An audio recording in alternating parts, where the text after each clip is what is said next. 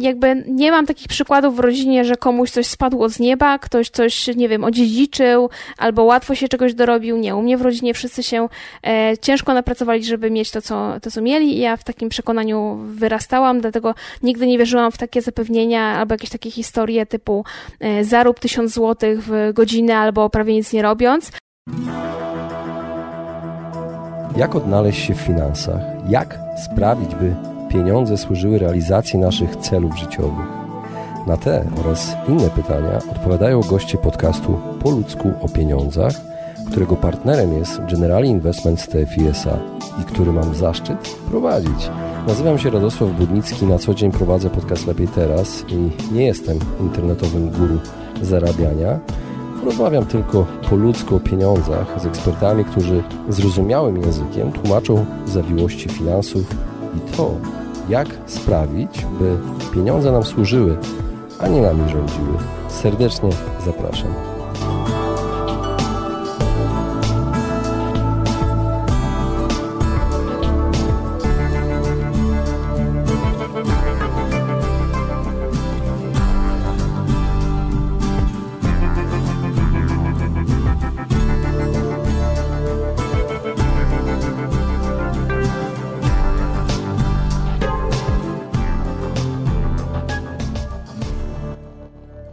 Witam Was serdecznie w kolejnym odcinku podcastu Po o pieniądzach. Dzisiaj moim gościem jest koleżanka podcasterka i blogerka Agnieszka Skupieńska z bloga To się opłaca i podcastu To się opłaca.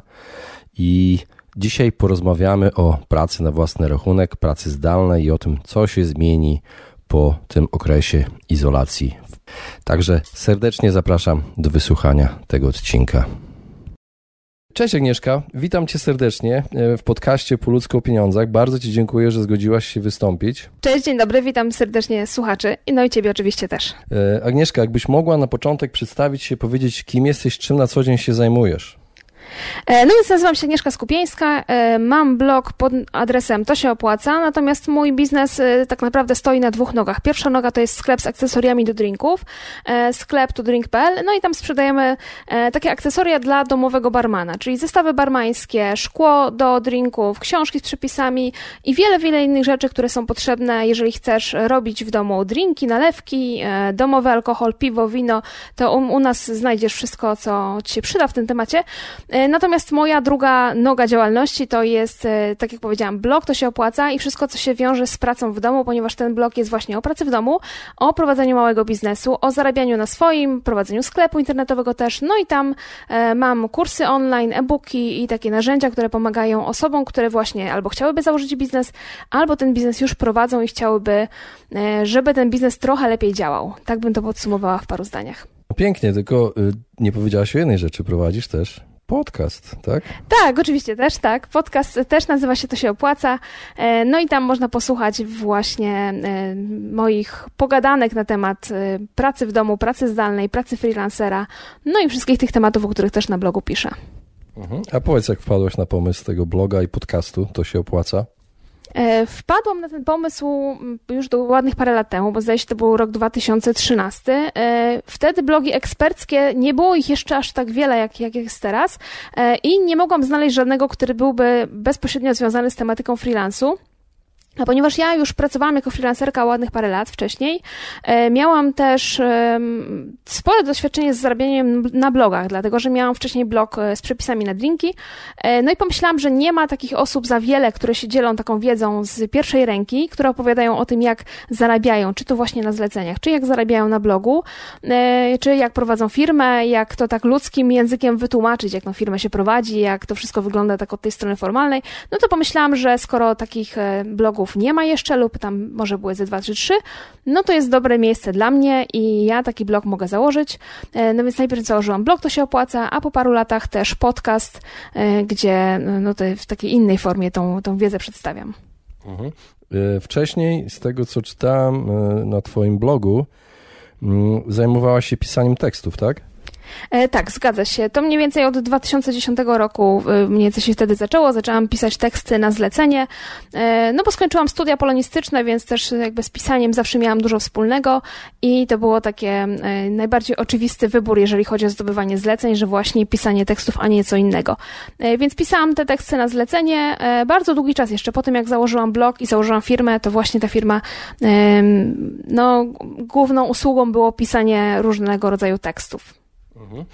Na pewno słuchają nas osoby, które są zainteresowane ta, taką pracą. I pytanie do Ciebie, jakie warunki musimy spełnić, aby pisanie przynosiło nam dochody?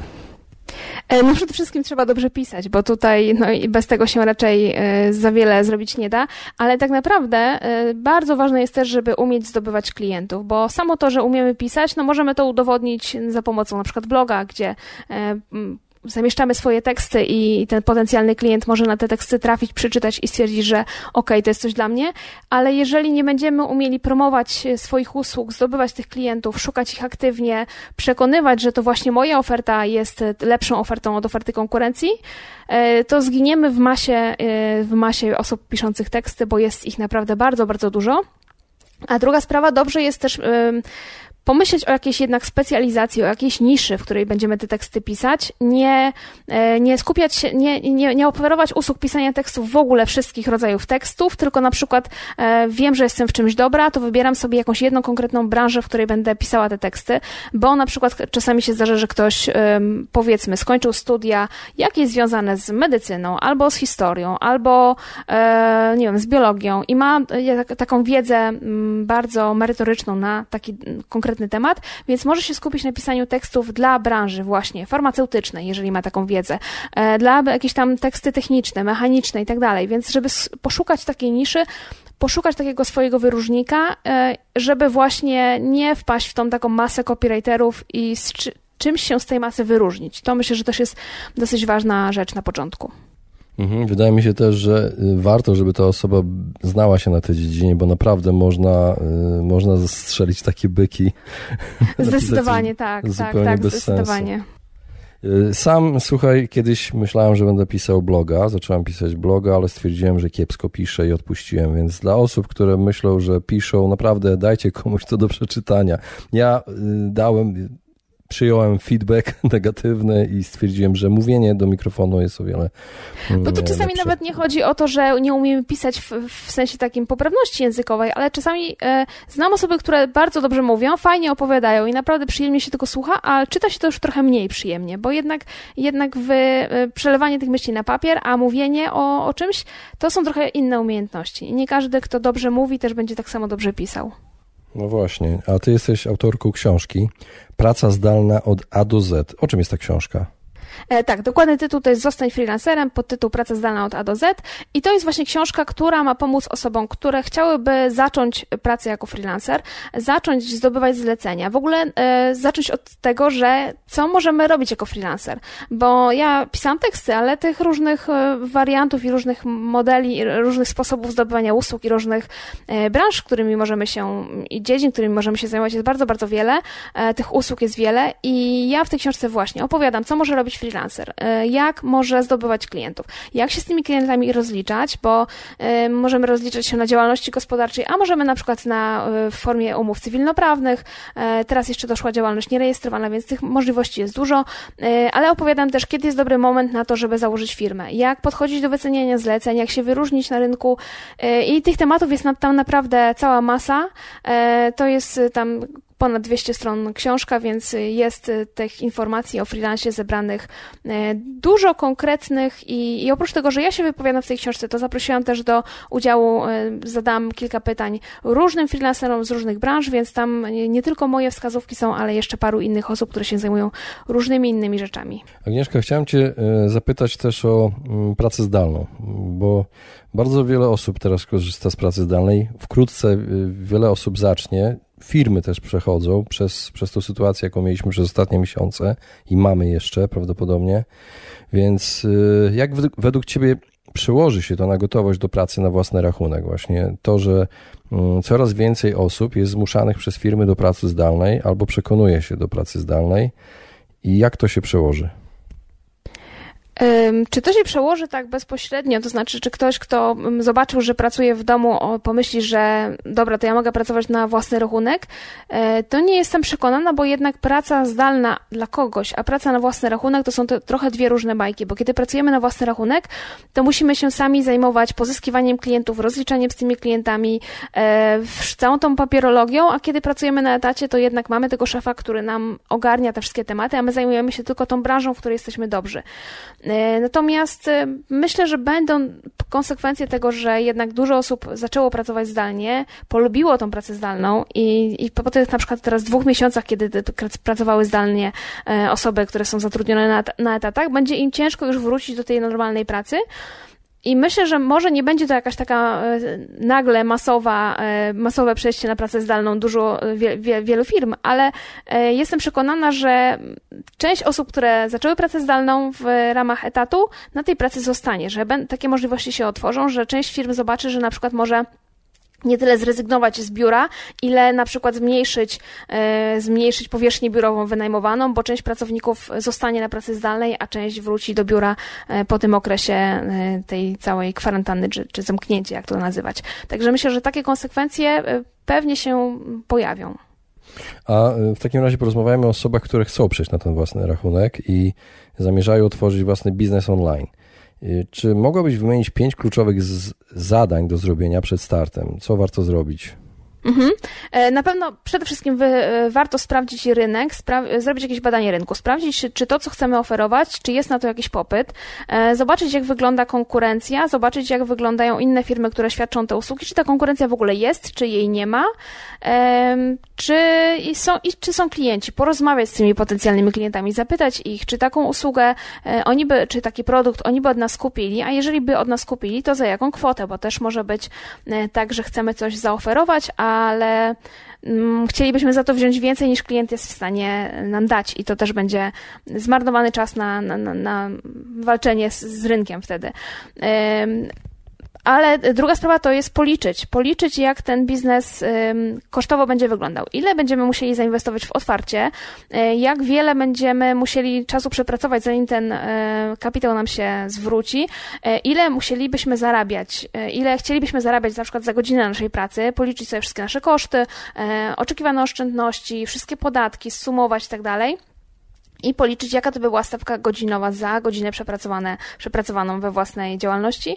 E, policzyć też, ile musielibyśmy sprzedać produktów i usług, czy, czy usług, w zależności od tego, co oferujemy, żeby tę kwotę miesięcznie zarobić, ile w związku z tym na przykład osób miało, musiałoby wejść na naszą stronę, żebyśmy to mogli e, osiągnąć, ten nasz cel finansowy. Te wszystkie obliczenia koniecznie trzeba wykonać, zanim w ogóle zrobimy jakikolwiek ruch i zanim ten biznes tak na poważnie weźmiemy pod uwagę, e, a wiem, wiem, że wiele osób tego nie robi i potem się okazuje, że co z tego, że klienci są, jak tak naprawdę to się nie spina, bo na przykład doliczyliśmy sobie jakąś tam marżę niewielką i ten w sklepie i, i te koszty nas gdzieś tam e, tak bardzo przygniatają, że nie zarabiamy na tym biznesie tak, jak się spodziewaliśmy.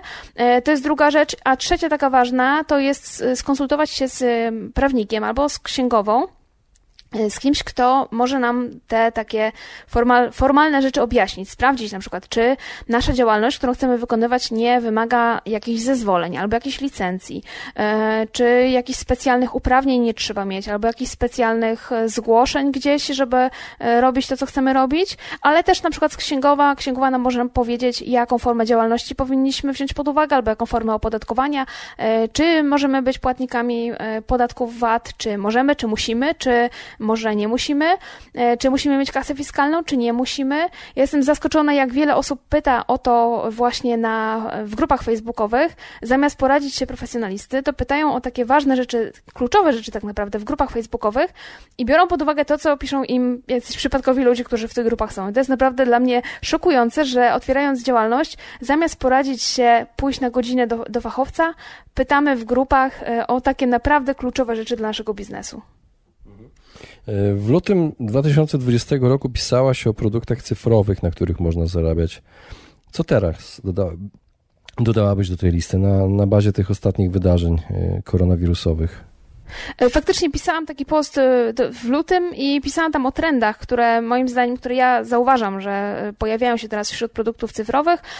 No bo tak, mamy taki uniwersalny produkt cyfrowy, który mam, myślę, że będzie jeszcze bardzo, bardzo długo na topie i będzie zawsze sprzedawalny, czyli e-booki. E-booki będą się sprzedawać zawsze, sprzedają się od wielu lat i będą się sprzedawać. Ale są takie e, trendy, które się teraz, myślę, pojawiają i które jakby nie sądzę, żeby kwarantanna tutaj miała coś zmienić. Myślę, że tutaj po tym okresie będzie to e, dalej w tę samą stronę szło. To znaczy chcemy e, kupować produkty, które dadzą nam szybki efekt, które w czymś nas wyręczą, jakieś półprodukty, tak jak na przykład szablony, szablony do mediów społecznościowych, szablony graficzne, które pomagają nam tworzyć bardzo szybko banerki, graficzki, i jakieś inne takie właśnie wizualne rzeczy na potrzeby mediów społecznościowych. E, presety do Lightrooma, czyli takie mm, no, narzędzia, które nam ułatwiają edycję zdjęć w Lightroomie czy w innych narzędziach e, do edycji zdjęć. E, szablony postów na e, media społecznościowe też już widziałam. Nie graficzne, tylko takie szablony tekstowe, gdzie możemy sobie podłożyć własną treść i na cały rok zaplanować komunikację w naszej marce w mediach społecznościowych. Wszystkie takie właśnie rzeczy, które nam coś ułatwią, wyręczą nas w, jakiejś, w jakimś ciężkim, trudnym procesie. Myślę, że będą cały czas na topie. I druga rzecz, którą też myślę, że jest taki silny trend i to się będzie pogłębiać, duże paczki produktów. E, nie chcemy kupować jednego produktu, ale chcemy kupować produkt, który będzie obudowany innymi produktami. Będzie dużo bonusów, dużo gratisów, dużo dodatków. Będzie, nie tylko to będzie na przykład e-book, ale e-book, notatka wizualna, audiobook e, i do tego jeszcze jakieś karty pracy do pobrania. To jest coraz tego więcej i myślę, że tego będzie e, z czasem jeszcze więcej i to będzie jeszcze bardziej popularne. Czyli sprzedawanie takich pakietów, można powiedzieć, dużych. Tak, im większy pakiet, im więcej elementów w pakiecie, tym tak naprawdę lepiej. No, żeby to wszystko sprzedawać, trzeba mieć sklep online. I czy według Ciebie to jest dobry czas na otwarcie takiego sklepu i, i jakie według Ciebie branże mają największą szansę teraz, w tych, tych czasach?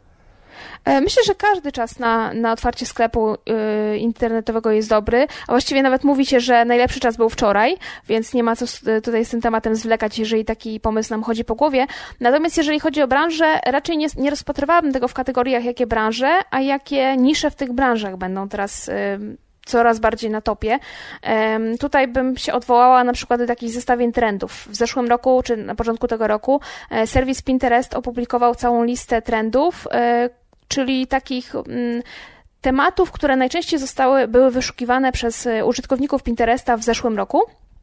No i na bazie tej listy e, można sobie pomyśleć, jakie pomysły, jakie nisze e, będą, mm, no są dobrym pomysłem na biznes, bo pewne rzeczy się wyła, wyłaniają z tej listy i pewne rzeczy się e, powtarzają i, i pewne rzeczy też widzimy wokół siebie. Na przykład to, że jesteśmy coraz bardziej świadomymi konsumentami. Żyjemy coraz bardziej eko, to znaczy, no wiadomo, nie wszyscy, nie, ale, ale ten trend do bycia eko, do bycia less waste albo nawet zero waste, kupowania rzeczy z drugiej ręki, kupowania nie tylko e, ubrań z drugiej ręki, ale też dodatków do domu, wymienianie się pewnymi rzeczami, na przykład wymienianie się e, grami planszowymi zamiast kupowania e, cały czas nowych, czy wymienianie się książkami. To są takie rzeczy, które dawanie drugie, drugiego życia produktom różnym, przerabianie czegoś na coś innego, to są takie właśnie silne trendy, które można wykorzystać tworząc swój sklep internetowy, szukając właśnie pomysłu na siebie. Kolejna rzecz to są na przykład taki trend do bycia bliżej natury, bliżej e, szukania tego balansu w życiu.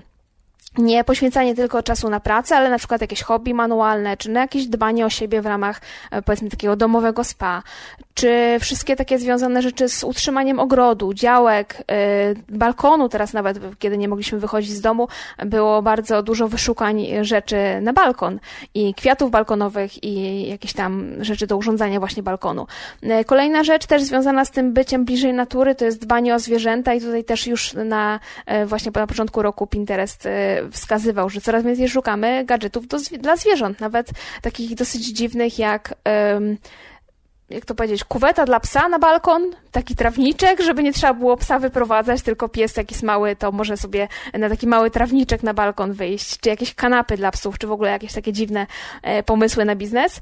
E, I co, co jest ciekawe, e, wróciłam do tego właśnie zestawienia trendów, przygotowując się do tej rozmowy, I Pinterest już na początku tego roku mówił, że e, dom będzie w centrum wszystkiego. Jeszcze przed pandemią, przed tym całym zamknięciem, już widać było takie silne trendy, że zaczynamy e, coraz więcej czasu spędzać w domu i coraz bardziej dbać o to, że jak ten dom wygląda. E, coraz więcej wyszukujemy, na przykład dekoracji do domu, kwiatów do domu, jakichś dekoracji handmade typu makramy. To też widać na Instagramie, że ten trend do e, robienia makram, sprzedawania, kupowania jest coraz bardziej e, wyraźny, ale też na przykład odzież domowa do pracy. E, też było, była często wyszukiwana na jednym z trendów na Pinterestie w zeszłym roku, ale też na przykład meble, które służą nam do domowej rozrywki. E, tu też czytam takie ostatnie analizy, że e, niekoniecznie ludzie rzucą się do kin, jak te kina już będą działać na pełnych obrotach, bo przyzwyczailiśmy się do tego, że tą rozrywkę możemy sobie zapewnić też w domu za pomocą Netflixa albo innych platform streamingowych i może niekoniecznie będziemy chcieli wracać do tych kin zatłoczonych, może nie tak bardzo tanich. Więc to jest kolejny trend. I teraz szukając sobie pomysłu na biznes online czy na sklep online, e, właśnie warto do takich zestawień trendów sięgać, między innymi właśnie Pinterest, ale pewnie Google Trends i pewnie jeszcze parę, parę innych miejsc się znajdzie, gdzie te zestawienia trendów się pojawiały.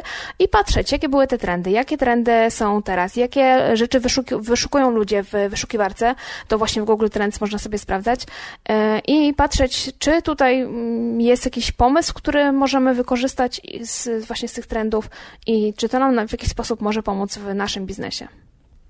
Agnieszka, świetna rada, bardzo obiektywna, bo sami możemy to sprawdzić po prostu, jakie, jakie są fakty, a nie subiektywne. Co ty uważasz? Bardzo podoba Oczywiście, że tak, tak. To zawsze jest e, najlepiej patrzeć na jakieś konkretne zestawienia, raporty i takie obiektywne dane, gdzie, gdzie mamy jakieś no, dane do porównania, nie? a nie to, co nam się wydaje.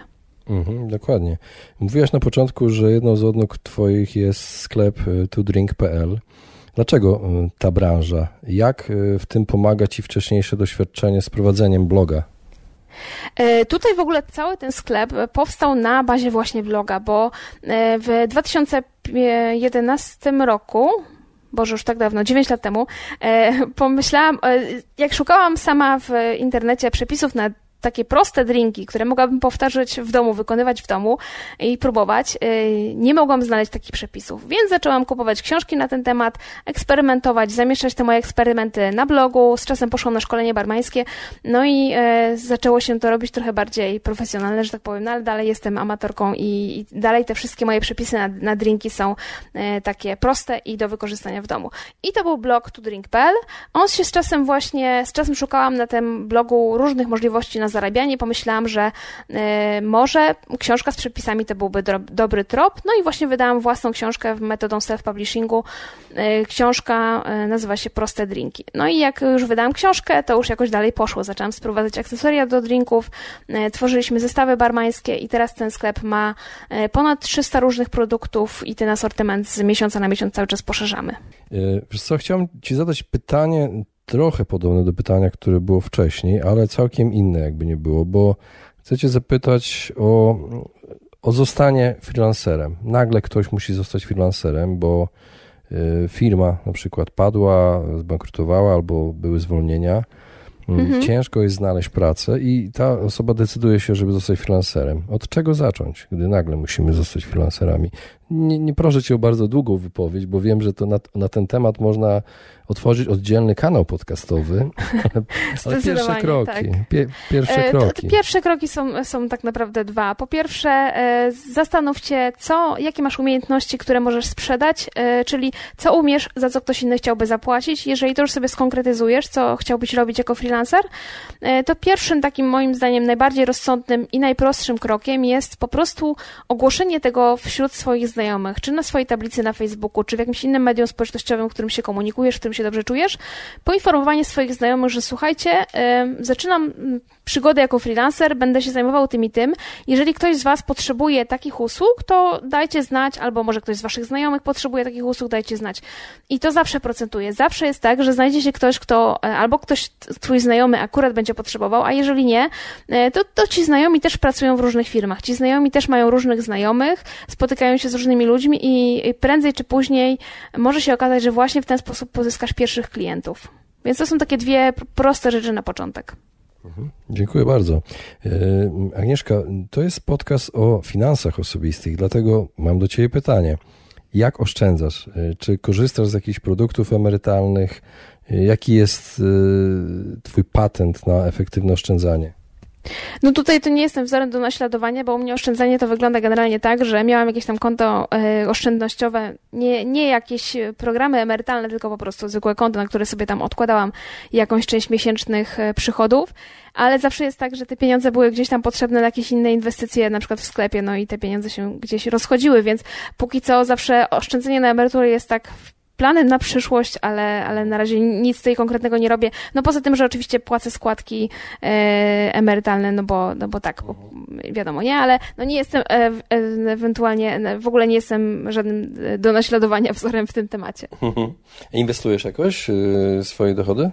E, no, inwestujemy w biznes, dlatego że e, każda, każde tak naprawdę tysiąc złotych zainwestowane w sklep obraca nam się e, znacznie, znacznie szybciej w, w kolejne pieniądze niż gdybyśmy to inwestowali w nieruchomości czy w jakieś tam instrumenty finansowe, więc ponieważ ten sklep jest właśnie w fazie rozwoju i, i, rozwija się bardzo szybko z roku do roku, e, to inwestujemy wszystkie pieniądze, które można w kolejny towar, czy w kolejne usługi, które mają nam powiększać, e, powiększać asortyment, czy usprawniać obsługę klienta, e, czy sprawić, żeby tych klientów pojawiło się w sklepie więcej. Mhm. Jesteś osobą bardzo aktywną biznesowo i mam takie pytanie, jakie miałaś wcześniej przekonania na temat pieniędzy? Czy coś się zmieniło z czasem, jak prowadziłaś biznes? Y, myślę, że chyba, chyba się nie zmieniło. To znaczy, ja zawsze zostałam wychowana w takim przekonaniu, że mm, żeby zarobić pieniądze, to trzeba się bardzo napracować i że pieniądze nigdy nie przyjdą do ciebie same, że e, jakby nie mam takich przykładów w rodzinie, że komuś coś spadło z nieba, ktoś coś, nie wiem, odziedziczył, albo łatwo się czegoś dorobił. Nie, u mnie w rodzinie wszyscy się e, ciężko napracowali, żeby mieć to co, to, co mieli i ja w takim przekonaniu wyrastałam, dlatego nigdy nie wierzyłam w takie zapewnienia albo jakieś takie historie typu e, zarób tysiąc złotych w godzinę albo prawie nic nie robiąc. Zawsze mi się wydawało, że to jakieś podejrzane i do tej pory uważam, że, że nie da się w ten sposób zarobić pieniędzy, że pieniądze da się zarobić tylko ciężką pracą. E, teraz wiem, że że trochę się da zarobić też um, skalując biznes, że niekoniecznie ta ciężka praca to musi być poświęcanie większej ilości godzin, że można mieć produkty, które gdzieś tam na ciebie pracują i nie musisz na, na każdą złotówkę przepracować jakieś tam godziny. Ale, ale wiem, że cały czas trzeba na pieniądze pracować że nigdy nie będzie czegoś takiego, że zbudujesz jakiś dochód pasywny i on ci e, już będzie bez twojej zupełnie żadnej uwagi e, przynosił ci jakieś tam pieniądze. Nie, nie wierzę w coś takiego. Może to się kiedyś zmieni. Na razie nie, nie znalazłam takiego jakiegoś świętego grala dochodu pasywnego, żeby mi się coś takiego udawało i na każde zarobione pieniądze trzeba się napracować. Wiesz co, musisz nagrać jakiś szlagier świąteczny, żeby w galeriach puszczali co roku. Mysz zarabiała na tym tantiemy, wiesz. Są metody takie do końca życia. No właśnie, właśnie. To pod, podobno, podobno człowiek, który nagrał, e, nagrał Last Christmas, to jakieś grube miliony na tym zarobili. No. Ostatnie pytanie do Ciebie na temat wiedzy. Skąd czerpiesz wiedzę na temat właśnie biznesu, finansów osobistych? Czy jest ktoś, kim się inspirujesz, jakieś nazwiska? E, tutaj chyba nie będę oryginalna, bo, bo dwa nazwiska, które są powszechnie znane. Pierwsze to oczywiście Michał Szafrański, jego blog Jak oszczędzać pieniądze. E, bardzo się dużo nauczyłam z tego bloga, bo zaczęłam go czytać jeszcze zanim założyłam działalność. E, jeszcze jak, no tak, to jeszcze pracowałam chyba na umowach po prostu cywilnoprawnych jako freelancerka e, i nauczyłam się bardzo dużo z bloga, no potem też z książki, no ale to już, e, już jakby więcej z bloga, bo go czytałam regularnie, z podcastów Michała też. Michał tam polecał sporo książek, więc tych książek, które on polecał też wiele przeczytałam, ale no jakby tutaj najwięcej się nauczyłam chyba od niego z bloga. Natomiast druga, drugie nazwisko to jest Maciej Samcik i też blog i książki, chyba 100 potwornych opowieści opowieści o, o, finansach, taki jest tytuł tej książki.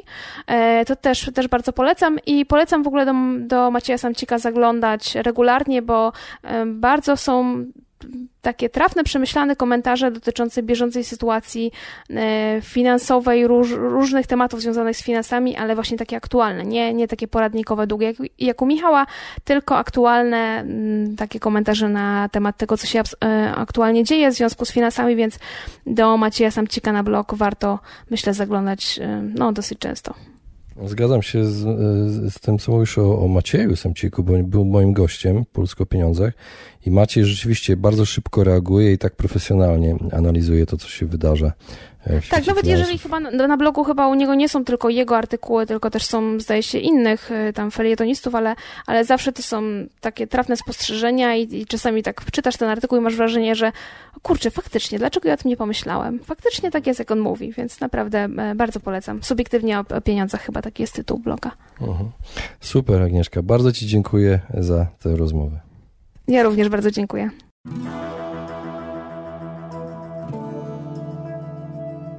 Właśnie wysłuchaliście podcastu Po ludzku o pieniądzach. Mam nadzieję, że Wam się podobała rozmowa. Jeżeli Wam się podobała, poświęćcie swój czas, proszę, by pozostawić swoją recenzję na iTunes. Jeżeli macie pytania lub e, propozycje dotyczące kolejnych audycji, piszcie do mnie na fanpage'u Po ludzku o pieniądzach i do usłyszenia następnym razem.